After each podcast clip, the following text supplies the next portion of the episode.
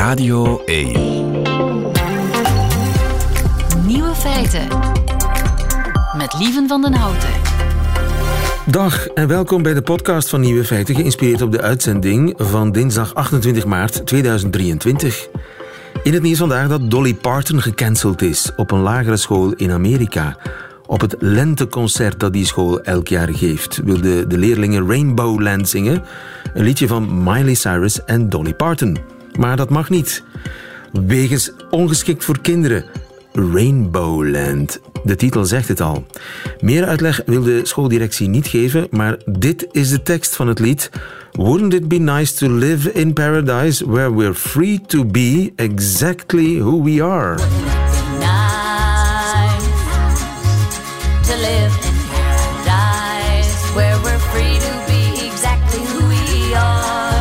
Het paradijs is waar iedereen zichzelf kan zijn. Inderdaad, zeg dat nooit hardop tegen je kinderen. De andere nieuwe feiten vandaag. Het lijkt erop dat Kanye West Justin Bieber heeft gecoverd. Of toch niet. De munitie die Europa wil meesturen met zijn tanks naar Oekraïne, die munitie is vaak van Zwitserse makelij en dat is een probleem. Juri Kortens bouwt een nestkast voor hommels.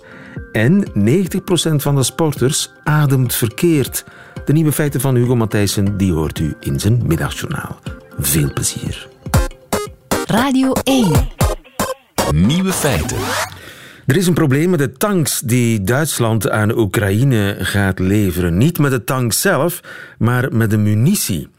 Die is namelijk van Zwitserse makelij. En dat is een probleem. Caroline de Gruiter, goedemiddag. Goedemiddag. NRC-journalist, jij volgt die zaak.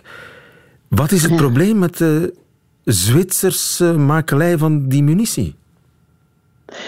Ehm, het probleem is dat de Zwitsers toestemming moeten geven voor eh, al hun wapens die ze ooit eh, hebben geleverd. En die worden doorgeleverd naar andere landen. Eh, dus voordat dat doorgeleverd mag worden, ook al is dat spul nog zo oud, moet Bern toestemming geven. En in dit geval hebben de Duitsers dus netjes aan eh, Zwitserland gevraagd: mogen wij die munitie meeleveren met onze eigen tanks? En toen hebben de Zwitsers gezegd: eh, nee. En dat zorgt dus nu, eh, en Zwitserland eh, heeft ook nee gezegd tegen soortgelijke verzoeken van Denemarken en Spanje. En ik geloof ook van Nederland, hoort nu. Eh, dus dat zorgt voor enorme spanning tussen, ehm, tussen EU-landen die Oekraïne graag willen helpen. En die ook een beetje ehm, eh, in een versnelling moeten daarmee en willen daarmee. Eh, en Zwitserland. Eh, En waarom zegt Zwitserland nee? Zwitserland zegt nee, omdat eh, volgens een Zwitserse wet, die notabene vlak voor dat Rusland Oekraïne binnenviel nog is aangescherpt, eh, Zwitserse wapens eh, en onderdelen en munitie niet geleverd mogen worden aan landen in oorlog. Ook niet, dus niet direct, maar ook niet ehm, indirect. Vanwege daarom de neutraliteit van Zwitserland. Vanwege de Zwitserse neutraliteit, precies. En dat is contractueel bepaald. En dat is contractueel bepaald. Dus iedere, eh, iedereen die wapens koopt van Zwitserland, hè, of dat nou Duitsland is of, of, of, of België, eh, die moet een contract tekenen dat als dat spul ooit wordt doorgeleverd, dan is daar eerst toestemming voor nodig. Dus ja, daar, ontkom je dus niet aan. En Maar dat is op dit moment een ongelooflijk politiek probleem aan het worden. Is echt. eh, ja, dat zal wel. Want gaan die, gaan die. Europese landen zich daaraan houden? Tot nu toe houden de Europese landen zich daaraan, want het zijn natuurlijk eh, het zijn keurige landen. Eh, maar de, de, de spanning stijgt en de druk op de Zwitsers wordt alsmaar groter. Want eh, eh, ja, wat Zwitserland eigenlijk doet, is daardoor zorgen dat Oekraïne zich niet goed genoeg kan verdedigen eh, tegen Rusland. En ja, hoe neutraal is dat eigenlijk? Want dan help je, dan help je Rusland. Ja. Er is zelfs, zijn twee ambassadeurs zijn zelfs geïnterviewd vrij lang in een van de beste Zwitserse, Zwitserse kranten, de Neue Zürcher Zeitung.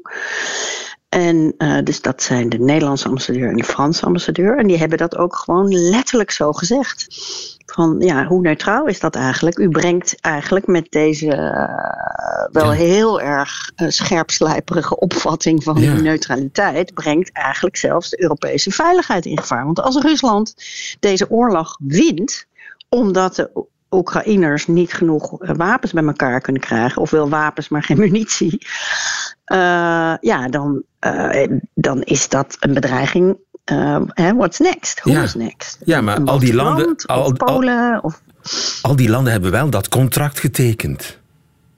al die landen hebben wel dat contract getekend, dus ze houden Ja. zich daaraan. Ja. Ja. Maar goed, achter de schermen is de politieke druk enorm. En dat is ook duidelijk, want de Zwitserse president heeft, heeft ook eh, zelf een interview gegeven in, de, in, die, in, die, in diezelfde krant, de NZZ.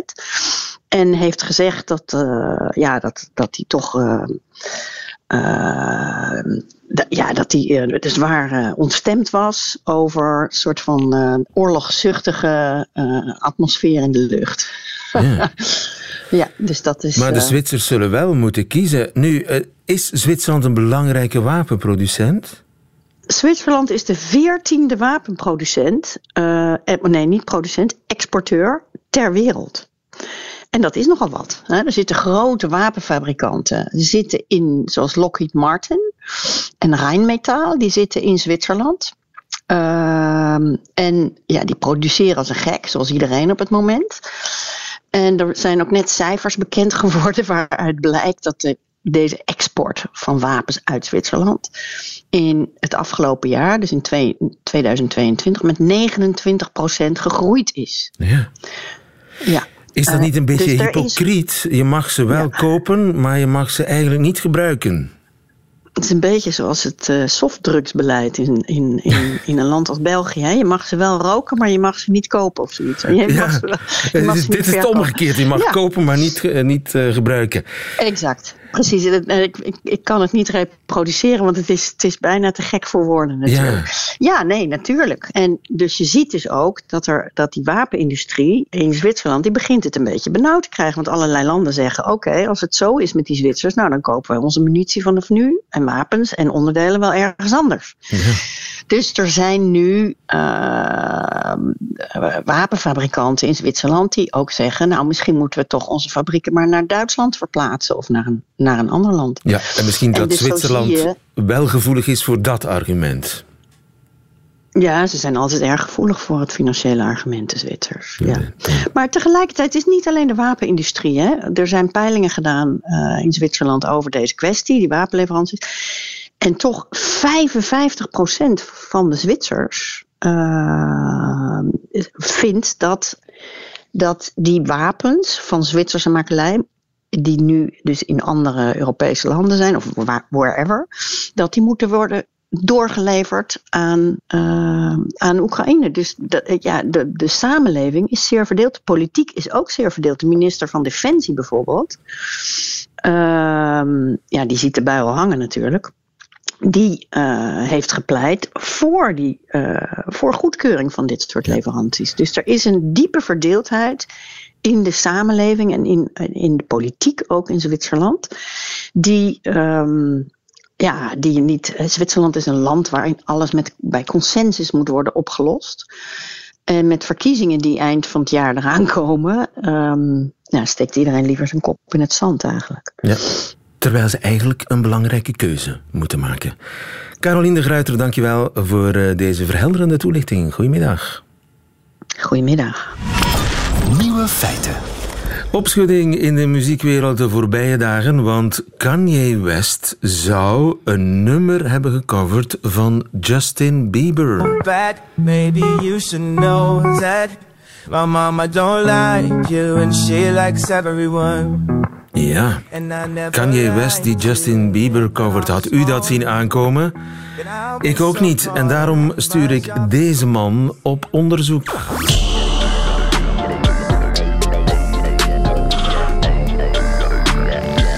De nieuwe feitenchecker.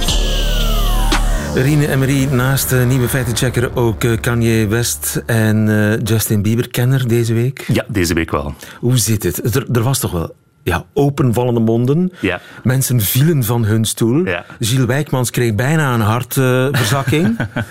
toen eh, Kanye een nummer bleek te hebben gecoverd van Justin Bieber. Ja, er is nog iemand die van zijn stoel viel en dat is Kanye West zelf. Ah. Ja, want eh, het is geen cover door Kanye.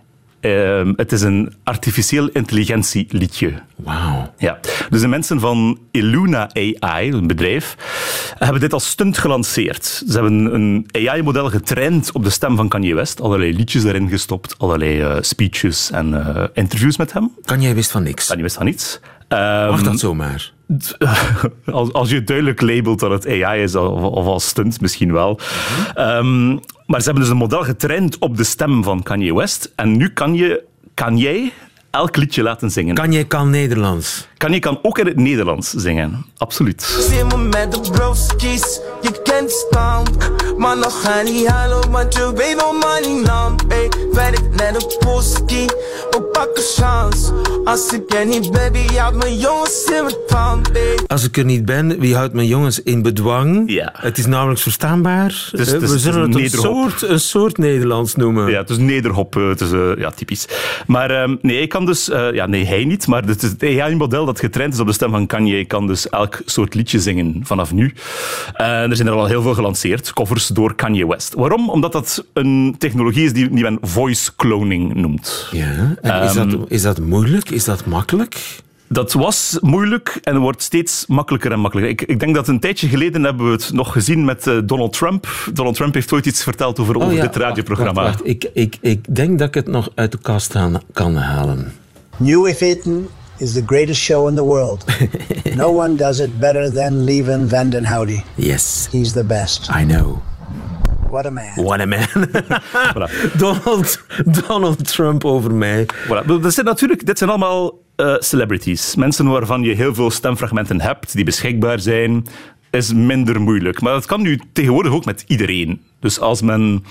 Er, er, er komen apps aan, en er zijn al apps eh, in beta-modus, waarbij je kan ehm, stemmen opnemen van mensen en die vervolgens iets anders laten zeggen.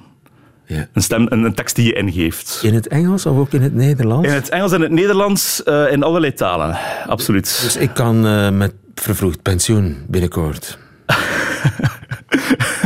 Ik denk dat mensen nog altijd wel zullen betalen voor de echte Kanye West en ook wel zullen betalen voor de echte Lieven van Maar Houten. gratis. Dat- dat- maar, maar goed, niet voor de VRT natuurlijk. De VRT gaat nog altijd moeten betalen voor mij. Die kan, die kan eigenlijk niet net zo goed eh, AI laten presenteren. Eh, eh, het zou kunnen, maar eh, er, zouden, er zou nog een zekere spontaniteit ontbreken, denk ik. Maar het, het, het is wel ja, fun, eh? Zo'n ding. ik vind het eng. Ik, vind het dood, dood eng. Mensen vinden Je kunt mij alles laten zeggen. Je kunt mij eh, allerlei misdaden laten bekennen. Wel, maar dat is inderdaad het probleem. Er, kan veel mee misgaan. Er is ook een, eh, een CNN-journalist heeft on- onlangs zo'n AI getraind op zijn eigen stem Ja. en vervolgens gebeld naar zijn ouders. En niets zelf gezegd, maar de computerstem het laten En de vraag voeren. is dan, herkent mijn moeder mijn Ja. stem of eh, heeft ze door dat het AI is? Wel, laten we eens luisteren. Hello? Hi, Mom. Hi, Tony. How are you? Does my voice sound different to you? Yeah, I just said that to Sinead. I said, Tony sounds so American. This is not actually me. This is a voice made by computer. Oh my God, are you serious? Are you serious? Dus ze hadden het echt niet door. Nee, hij heeft echt daarna nog een lang gesprek met zijn vader gevoerd over de voetbalresultaten van de lokale voetbalclub in Ierland, want het is een Ierse journalist van origine. En die hadden het niet door. Dus het dus is je, je tikt allerlei zinnetjes in, Ja, vooraf, ja, en dan ga je iemand bellen. ja. En die, het AI, ja, hoest die zinnetjes op. Jeetje. Ja.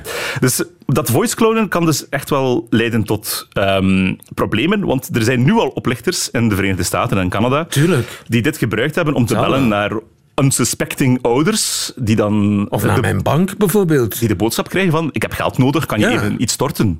Mijn bankier kent mij, kent mijn stem. Ja, inderdaad. Dus Fucking hell. ja, het, is, het, het kan voor fun gebruikt worden, voor covers van Kanye die, die Bieber covert. Ja, allemaal grappig. Maar het kan dus ook wel gevaarlijk zijn. Maar natuurlijk, allee, we moeten daar ook niet te, te bang voor zijn, want Jij alle, maar- elke technologie die ooit is uitgevonden, is gebruikt voor eh, goede zaken of voor slechte zaken. Zoals magie en Harry Potter en Voldemort. Ze gebruiken het alle twee. Het Is ene voor het goede, het andere voor het slechte. Het Is kan- het te ontmaskeren? Kan ik een machientje kopen of software kopen die herkent, hier is mee geknoeid? er zijn al heel veel nieuwe AI-bedrijfjes die dus dit soort stemdingen aanbieden, maar er zijn er ook al heel veel nieuwe die beweren van ik kan jou helpen om alles te herkennen van, van oplichters. Maar eigenlijk is het niet nodig, je kan het op een andere manier doen. Namelijk vanaf je een telefoontje krijgt, want als het oplichters zijn, dan gaan ze je dingen laten storten, geld laten storten, proberen ze iets af te troggelen, et cetera. Ehm, als je iets niet vertrouwt, haak gewoon in en bel jezelf terug. Hè? Eh, bel zelf terug naar de persoon zelf. Want vaak wordt er natuurlijk... Dit, in dit geval was het al een beetje flauw van die journalist, want hij belde natuurlijk wel met zijn eigen telefoonnummer naar zijn eigen moeder. Ja. Hè? Die, is, die vermoedt helemaal niets. Vaak is het natuurlijk van, met een fake telefoonnummer dat, dat je Dat vind ik opgebeld een goede tip. Als je twijfelt... eh, Haak zeg- in en bel terug naar het Ik nummer dat je kent. terugbellen. Ja, en als dat er is dan één. paniek is aan de andere kant van de lijn... dan En sowieso, als, je, als, je, als er om geld gevraagd wordt, moet je eens beginnen nadenken. Maar het gaat wel redelijk ver in de zin dat eh, sommige onderzoekers die er dag in dag uit mee bezig zijn, al met hun familie hebben afgesproken. We gaan een safe word afspreken, zoals bij Kinky Rollenspel.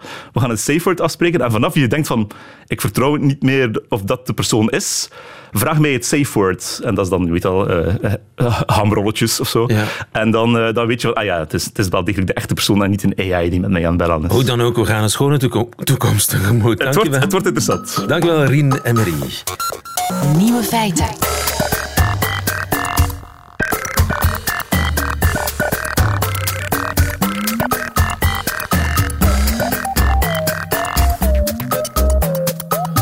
Ademen het verschil maken tussen winnen of verliezen? In de voetbalwedstrijd Feyenoord-AZ scoorde Marcus Pedersen in de allerlaatste minuut het winnende doelpunt en achteraf dankte hij zijn ademhalingscoach. I also do some extra things now uh, to try to push it even further. And for example, uh, I I go to a breathing coach uh, to higher my uh, CO2 levels to to um, even push uh, harder. Ja, die extra energie die Marcus Pedersen had om dat laatste beslissende winnende doelpunt te maken in de wedstrijd tegen AZ, die energie haalde hij uit zijn ademhaling. En dat leren ademen, dat heeft hij gedaan bij zijn ademhalingscoach. En dat is Robin Vredeveld. Goedemiddag, Robin. Goedemiddag. Hallo. Wat, wat, wat heb jij met Marcus Pedersen gedaan? Ehm, nou, eigenlijk gezorgd dat hij meer kan doen met minder. Wat eigenlijk eh, inhoudt dat we aan de, aan de slag zijn gegaan met eh, de manier waarop hij ademt. En daar verbeteringen aangebracht, zodat hij zijn eh, energielevels beter kan ja, managen als het ware. Waardoor hij meer uit zichzelf kan halen. En daardoor in de laatste minuten eigenlijk ja, nog steeds energie over heeft om, eh, om zijn prestaties daarin, eh, om zijn doel te behalen, om het zo te zeggen. Ja, Dus eigenlijk economischer ademhalen. zeker. Daar komt het op neer. Ja. Efficiënter Ja. ademhalen. ja. En zijn er veel sporters die verkeerd ademen? Eh, wetenschap toont aan dat 91% van de ja, high performers, laten we zeggen de topatleten, dysfunctionele ademhaling vertoont. Eh, wat dus eigenlijk inhoudt dat, eh, dat maar 9% het eh, op de juiste manier doet. En, en dat wil, tenminste juist wil zeggen functioneel. En daarmee wordt bedoeld dat ze diafragmatisch ademhalen. Dus houdt in dat ze hun middenrif, dus hun buikgedeelte gebruiken bij het ademen. Ja. En dat dus 91% dat niet doet en dus hoog op de borst oppervlakkig ademhaalt. En daardoor dus, ja, en ook dan nog eens via de mond veel, waardoor ze eigenlijk sneller leeglopen. Ja, en dus als je goed ademt, dia, hoe zeg je dat, diafragmatisch? Ja, diafragmatisch betekent dus dat het middenrif, dus het, buist, eh, het borstgedeelte, wel wordt gebruikt, maar dat we starten bij de buik. Ja, dus de, de adem van zoveel mogelijk vanuit onder naar boven halen. Ja, zoals, waardoor, we dat, waardoor we dus eigenlijk meer efficiënt eh, ademen, maar dus ook meer lucht beschikbaar hebben. dat weet elke zanger eigenlijk, hè? Sorry? Dat weet elke zanger, hè? Dat hij met eh, zijn, zijn middenrif moet ademen en niet met zijn long en niet met zijn borst eigenlijk. Want eh, Zeker, als een zanger een langer adem, eh, een, een lange, een langer uithaal doet, dan heeft hij lange adem nodig. Ja. Dan moet hij hem vanuit zijn buik halen. ja, want dan gebruik je eigenlijk je longen beter. En eh, ja, in het geval van sporters gaat je, je hartslag naar omlaag, hè? Nou, zeker. Een sporter die bijvoorbeeld heel veel door zijn, door zijn mond en via zijn borst, dus hè, dysfunctioneel ademt, die heeft een verhoogde hartslag. Eh, en daardoor kan hij zijn hoofd ook minder goed koel houden. Ja. Eh, en dus minder, minder presteren onder druk. En kun je je hoofd wel koel houden. En dat heeft dus te maken, wat, eh, wat net zojuist Marcus ook zei in dat voorstukje. Dat we de CO2-tolerantie verhogen. Dat doen we door te trainen, specifiek op, op technieken. Juist. En, en als een sporter dat kan, dan kunnen zijn hersenen als het ware hogere levels van CO2 accepteren. Eh, en dan, dat, dat betekent dus dat hij minder snel de behoefte heeft om, om weer eh, te ademen. Dus dat betekent eigenlijk dat hij daardoor dus meer kan doen met minder. Want hoe beter, het, eh, hoe beter je daarvoor getraind bent, hoe minder snel je buiten adem raakt. Nou, hoe minder snel je buiten adem raakt, hoe minder een, een, een topsporter in dit geval ook verzuurt. Juist. En, En eh, daardoor kan hij langer doorgaan. Robin, heb jij meerdere sporters eh, als klant? Ja, zeker. Ik train eigenlijk, eh, ja, laten we zeggen, op de Nederlandse velden. Train ik eh, de, ja, eigenlijk de beste voetballers uit, eh, uit de Eredivisie en uit de tweede divisie daar, dus de keukenkampioen-divisie. Juist. Eh, ja, dus, dus, dus die begeleid ik als het ware enerzijds naar het verbeteren van hun ademhaling voor topprestaties. En anderzijds ook gewoon zorgen dat het lichaam wat meer in rust is. Dus, en daarmee bedoel ik, de wereld van topsport vraagt veel van een sporter. En dan, dat noem ik dan zenuwstelselregulatie. Daarmee bedoel ik dat we eigenlijk zorgen dat het lichaam eh, sneller kan herstellen van de activiteit die het heeft. Eh, want ook sport is stress op het lichaam. Eh, ja, en daar zorgen we eigenlijk voor dat we na een inspanning of na een stressvolle activiteit zorgen dat het lichaam terug kan naar, naar, ja, naar een hormese, zeg maar. Dat betekent Juist. eigenlijk terug in balans komt. Ja. 90% van de sporters ademt verkeerd. Ik, nou, ik neem aan dat dat bij de luisteraar van Radio 1 eh, ongeveer hetzelfde cijfer is. Zie jij het zitten om een eerste kleine introductie te geven van wat jij doet? Via Ja, de wat- radio wat lukt dat? Ja, zeker. Wat ik, wat ik eigenlijk in een hele korte, in, een- in een notendop doe, is ik zorg ervoor dat meer mensen eh, rust ervaren. Zodat hun mentale gezondheid daardoor verbetert. Zodat ze meer rust hebben in hun hoofd. eh, en meer, ja, meer rust in hun lijf als het ware. De verbinding weer maken daarmee. Ik ben er klaar mee. Ik klaar voor, bedoel ik. Ja, Ik ben er helemaal klaar voor. Ga ervoor, Robin. Wat moet ik doen? yes. Wat je kan doen is je ademt bijvoorbeeld door je neus in en uit. 4 seconden in. Dus je ademt in voor 1, 2, 3, 4. Dan hou je adem vast voor 4, 3, 2, 1. Nu rustig uit door de neus voor 4, 3, 2, 1. Adem vast voor 4, 3, 2, 1. Dan adem je opnieuw in voor 4, 3, 2, 1. Adem vast. 4, 3, 2, 1. En adem langzaam weer uit. 4, 3, 2, Ik voel het al een beetje. 1. Adem vast. Juist. Ik voel het al een beetje. En wat dit is, dit noemen ze box breathing, is eigenlijk een manier om het zenuwstelsel eh, te kalmeren. En je ademhaling is als het ware de afstandsbediening van het zenuwstelsel. Dus daarmee eh, ja, kun je jezelf eigenlijk terugbrengen naar wat meer rust. Meer rust ademen, goed ademen, het is cruciaal. Dankjewel, Robin Vredeveld, en veel succes. Ja, dankjewel. Super succes. Dankjewel.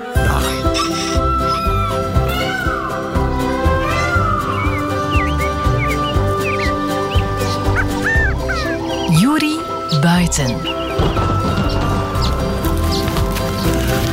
Met Juri Kortens. Ja, waarvan ik hoop dat hij een eh, extra pullover aangedaan heeft, want het is nogal koud. Goedemiddag, Juri Kortens. Ja, goedemiddag. We goedemiddag. hebben jou weer naar buiten gestuurd. Wat ben je aan het doen, Juri? Ja, ik heb een extra pullover aangedaan, zeker en vast, want het is redelijk koud. En ik ben een hommelnestkast aan het plaatsen, gewoon in mijn tuin. Een hommelnestkast. Hoe ziet dat eruit? Ja, wel, ik, ik heb, je hebt verschillende types hoor. Je kan, je kan eigenlijk gewoon het oude vogelnestkastje, het oude vogelnest daarin laten. En eh, ik, ik maak die, die gaatjes dan wat kleiner. Ik ga er iets voor timmeren. eh, dat er alleen hommels in kunnen op dat moment. En ik heb ook een redelijk grote bak. Die is wel 40 op 40 op 40 centimeter. En daar binnenin zit dan een ruimte van 20 op 20. En tussen die twee, holle, of tussen die twee ruimtes is er dan een, eh, ja, een isolatiemateriaal. En dat zijn houtkrullen. Waardoor je een, een lekkere warme plek hebt waar een hommelkoningin haar nest kan maken. Ah ja. En dus eh, dat is iets helemaal anders dan zo'n bijenhotel, hè? Wat je in de tuincentra kunt kopen. Met allerlei Ja, ja, dat is- gaatjes en, en, en, Ja, en hoekjes en kantjes. Dat is echt speciaal voor de bijen. Maar dat is iets anders dan dat hommelhotel. Het is een beetje iets anders, omdat die, eh, die bijenhotels, dat gaat over solitaire bijen. Die gaan elk hun eigen nestje maken, hun eigen gangetje kiezen. Eh, maar dit gaat dus effectief over hommels. En op dit moment vliegen er echt wel reuze hommels rond. En dat zijn eh, de koninginnen. En Ah. die gaat dus een plekje opzoeken. En dat kan onder de grond zijn, dat kan in een holle boom zijn of in een nestkastje dus. Eh, en vooral als dat plekje naar muizen ruikt, dan vindt ze dat heel, eh, heel aangenaam. Want dan weet ze, ah, er is een oud muizennest. En dat is heel goeie, een heel goede starter, een heel goede isolatie om zo een nest te beginnen. Dus die is, eh, ja, haar instincten zijn zo getraind dat ze, als ze muizen riekt, dat ze Ja. denkt, ah, een nestje. Ja, ja, ja. het gaat zelfs zo ver dat men in Engeland dat men synthetische muizengeur heeft ontwikkeld om bij zo'n hommelnestkasten eh, de kans op kolonisatie door een, door een wilde Ah, ja. hommelkoningin nog groter te En heb je dat ook zo, synthetische muizengeur? Nee, nee, nee, Nee. Ik heb muizen genoeg thuis. Dus eh, Ah. ik, ik vind wel wat nestjes hier en daar. Nu, en- koningin- oh, maar ga je dan eh, eh, spul van die muizennesten in jouw hommelnestkast gooien? Ja, ja, ja, ja, ik heb zo een, kippenhok. Eh, en dat kippenhok heeft ook een dubbele wand. En daar zat dus, zaten dus wel wat muizennesten in. En dat heb ik daar midden in gegooid. Dat is een goede eh, plek om te vertrekken. Dus ik ben, eh, ik ben benieuwd of dat een van de volgende dagen gaat lukken. Ja, en dus ook de muizenstrontjes. Ja, dat zit er allemaal bij. Dat zit er allemaal bij. Ze, ze hebben dat nodig. Ze willen die geuren absoluut om daar... Ja, dat is hun, hun zoekbeeld eigenlijk om een goede locatie te vinden. En nu hoop jij zo'n hommelkoningin te lokken. Eh, Hoe heeft zij de winter doorgebracht? Wel, die winter die heeft ze ergens doorgebracht op een, eh, op een beschutte locatie. Eh, dat is niet dezelfde locatie als waar ze haar nest gaat maken. Het is ook trouwens de enige hommel die, eh, die, die overleefd heeft. want En is dat alle een, soort van winterslaap dan? Ja, ja, dat is echt een soort van winterslaap. Ah, ja. Ook wespen doen net hetzelfde. Die gaan dan in inactieve modus. Die, eh, die kunnen zelfs een beetje bevriezen. Niet te koud worden, maar eh, zelfs vorst kunnen zij, kunnen zij aan op die manier. Er zijn zelfs van die hommelkoninginnen die, die in het zuiden hebben overwinterd. Dus het zou best kunnen dat enkele van deze hommelkoninginnen die nu in mijn tuin aan het rondvliegen zijn, dat die gewoon uit Frankrijk komen pakweg. Ah, Het zijn ook eh, trek, ja, vogels bij wijze van spreken. Trekhommels, trekdieren. Ja, ja dat is, en dat is nog niet zo lang bekend hoor. Want eh, ja, we, we- we letten daar niet op. Er zijn, er zijn eh, trektellers die vogels eh, bestuderen. en die staan dan op bemande uitkijkposten langs de kust bijvoorbeeld. En, en enkele jaren geleden zagen die zo een dag van... "Wat- Wat zien wij nu allemaal passeren? Hommels, hommels, de ene na de andere. Dat was eind maart, begin april op dit moment. Men is beginnen tellen en dat kwam soms op duizend individuen per uur. Dus dat is echt een soort van massale trek, allemaal naar het noorden toe. Dus die kwamen van het zuiden en, eh, en schoven op. En ja, dat, is, dat, zijn, dat zijn redelijk recente inzichten, maar men weet nog niet wat die tref- trek drijft. En of dat ze dan ook nog terugtrekken in de herfst, daar hebben we totaal nog geen idee van. Wauw. En, en ook, dat zijn zo kleine beestjes, dat die zo... eh, Hoe ver kunnen die vliegen? Ja, men schat wel enkele honderden kilometers en, en dat leidt men eigenlijk af uit kolonisaties die zijn gebeurd eh, in Nieuw-Zeeland en Chili. Er werden daar dieren uitgezet door mensen eh, en per jaar schoof die, die, die grens van waar het die kwamen tot 200 kilometer op. Dus dat wil zeggen dat die echt wel die afstanden kunnen overbruggen. En de laatste decennia is er zo ook in Engeland bijvoorbeeld, zijn daar hommelsoort, of is er een hommelsoort toegekomen, de boomhommel, vanuit het vasteland, vanuit het continent Europa, om zich daar te gaan vestigen. En het allerstrafste moet eigenlijk nog komen, want ook in IJsland zijn er nu op een natuurlijke manier hommels aangekomen vanuit Europa die zich daar gevestigd hebben en die het daar nu net warm genoeg vinden om, eh, om daar ook een kolonie te stichten. Dus de klimaatopwarming heeft ervoor gezorgd dat de hommel IJsland gevonden heeft. Ja, ja, ja, ja, ja. Er zijn meerdere hommelsoorten in IJsland sowieso, maar ook gewoon soorten van het Europese vasteland die, die helemaal tot daar zijn geraakt. Ja, waarschijnlijk dus- een gunstige wind ook nodig. Ja. Dus ook de, de koningin die jij probeert te lokken, die, die kan ergens eh, uit de Provence komen of zo. Eh, ja, dat zou kunnen. Ik denk persoonlijk niet dat het zo ver zal zijn, maar, eh, maar ja, 200, 300 kilometer is waarschijnlijk niet zo'n grote uitzondering Ja. eh, voor hommels om te overbruggen. Maar ze kan net zo goed de hele winter hebben verscholen gezeten in een of andere, ja, tussen twee steentjes ergens. Ja, dat, kan, zeker, dat kan zeker. En zelfs bij deze koude temperaturen zie je die diertjes rondvliegen. En, en ze hebben daarvoor een lichaamstemperatuur nodig van minimaal, minimaal 30 graden Celsius. 30 En, graden. eh, En hoe doen ze dat? Ik heb, ik heb net mijn thermometer bekeken. Het is amper drie. Eh, hoe doen ze dat? Wel, ze doen dat een beetje zoals nachtvlinders. Eh, die gaan ook trillen met hun vleugels. Dus ze maken hele kleine spierbewegingjes met hun vleugelspieren. Eh, maar die zijn niet groot genoeg om op te stijgen. Dat is eigenlijk een beetje eh, je motor laten draaien in, eh, in vrijloopstand. Eh, je laat die even draaien, dan warmt die op. Gewoon puur door de energie. Van Ze fladderen zichzelf warm eigenlijk. Ja. Of ja, zoals ja. wij zo... Als we in de kou zitten. Je kan dat er perfect mee vergelijken. En dan hebben ze die hele dikke vacht, die, eh, ja, die, die dat ook ervoor zorgt dat ze niet gemakkelijk afkoelen. Dus eens ze opgewarmd zijn en eens ze in actieve modus zijn, ja, dan, eh, dan blijven ze normaal gezien warm genoeg. En dat is ja, tussen 30 en 40 graden dat, eh, dat die lichamen nodig hebben. En dus nu is ze op zoek naar een, een nest om Mhm. te gaan eieren leggen en dan te gaan broeden. En dan komen er allerlei... hoe- hoe- hoeveel nakomelingen heeft zo'n koningin ongeveer? Wel, die, die koningin op zich, wat die nu in eerste instantie doet, die maakt eerst een heel klein bekertje van was. Eh, ze stopt daar dan een heleboel nectar in die ze verzamelt overdag. En dat is dan eigenlijk haar startkapitaal voor de volgende ochtend. Dus dan heeft ze al wat suiker. De voorraadkast. Ja, dat is een voorraadkast. En het tweede wat ze dan doet, is ze gaat stuifmeel verzamelen eh, om, om daar eitjes op te leggen. Dus ze maakt een bal van, ja, waar dat ze een stuk of vijf tot tien eitjes oplegt. En je vermeldde daarnet het woordje broeden. En het straffen is dat zij dat ook effectief doen. Eh, eitjes uitbroeden, want het is nog koud. En zij gaat zich dus opwarmen en via, via haar eigen lichaamswarmte die eitjes op een temperatuur tussen 30 en 35 graden houden. En dan komen die dus eh, pas echt uit. Ja, en dat is dan de start van een nieuwe kolonie. Ja, dat is de start. Dat begint met vijf en, en dan blijft de koningin thuis. Eh, die vijf die zorgen ook allemaal voor vijf nakomelingen. Wel met de eitjes van de koningin. Dus enkele weken later heb je er 25, plus die oude vijf, maar die zijn al versleten. En zo gaat dat verder tot je...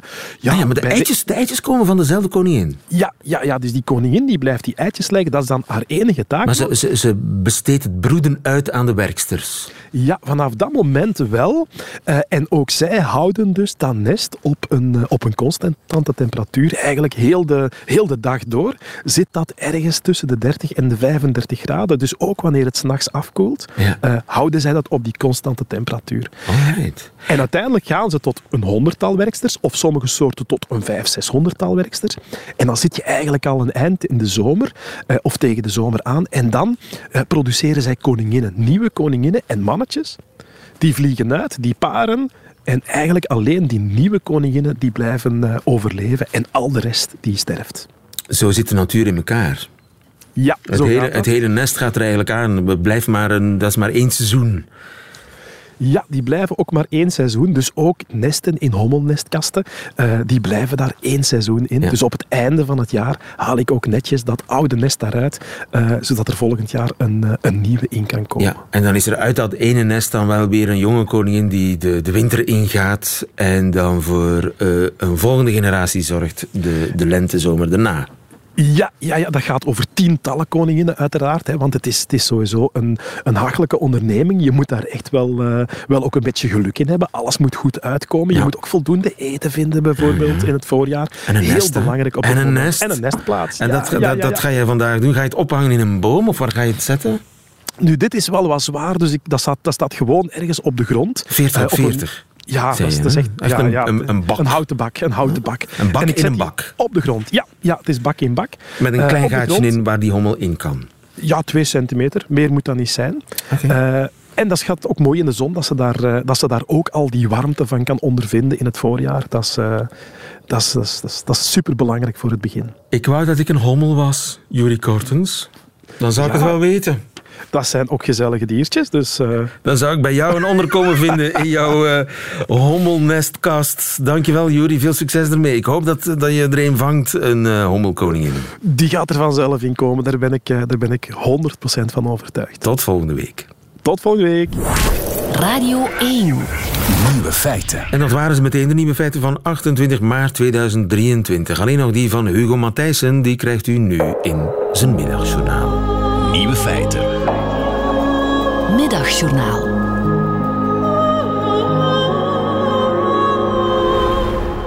Twee weken geleden mocht ik op een podium staan in Oosterzelen. Onthoud die plaatsnaam, want mij lukte het niet of toch niet helemaal. Ik was wel flink begonnen met een lofprijzing van Oosterzelen, de prachtige gebouwen die je daar ziet, de daadkracht en de atletische gestalte van de bevolking, de respectvolle openheid waarmee de mensen met elkaar omgaan, de even smaak als milieuvriendelijke aanleg van de voortuintjes enzovoort. Ik zag dankbaarheid in de ogen van het publiek. Maar toen ik halfweg het concert een vervolg wou breien aan mijn slijmerige publieksmassage, begon ik zelf zeker met hier in Oost-Rozebeke en de reactie kwam onmiddellijk in de vorm van wat gelach vanuit de zaal. Ik besefte mijn fout, maar ik kon mezelf niet verbeteren. Mijn brein sloeg op tilt. Ik blokkeerde. Ik wist toch wel dat we ons op een plek bevonden die met Oost begon. Maar was het Oostmalle, Oostende, Oostburg of Oosterweel? Of waren we ergens in Oostenrijk? Misschien wel, maar ik kon me geen grensovergang herinneren. Of toch, ja, dat stuk snelweg langs de Donau. Of was het al een paar jaar geleden? Waren we dan in Kufstein? Dat flitste allemaal in een fractie van een seconde door mijn hoofd. Ik waagde de gok en sprak het publiek in het Duits aan. Ik entschuldigde mij met de mededeling dat Oost-Rozebeke of Deutsch gemeinsam hetzelfde is als Oosterzelen. Ja, het schoot mij plots weer te binnen. Dankbaar zakte ik op mijn knieën en ik dankte God omdat hij mij alsnog geholpen had. Achteraf werd ik op de parking aangesproken door een man die mij vriendelijk vroeg of hij op skivakantie dan voortaan Oost-Rozebeke moest antwoorden op de vraag: Wo komst u her? Ik antwoordde bevestigend. En mensen uit Oost-Rozebeke dan, vroeg hij, moeten die dan Oosterzelen zeggen? Nee, zo eenvoudig is het niet, zei ik. Oost-Rozebeke is in het Duits Willebroek, voor zover ik weet. En terwijl ik dat zei, vond ik mezelf heel geloofwaardig klinken. De man antwoordde beleefd: Ik ben blij dat ik weer wat heb bijgeleerd. En daar was ik het mee eens. Je bent namelijk nooit te oud om wat te leren.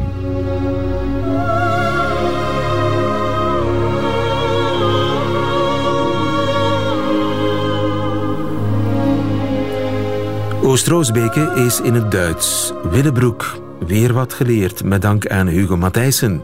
Einde van deze podcast. Hoort u liever de volledige uitzending van Nieuwe Feiten? Dat kan natuurlijk ook. Elke werkdag tussen 12 en 1 live op Radio 1 of on demand via de Radio 1 app of website. Tot een volgende keer.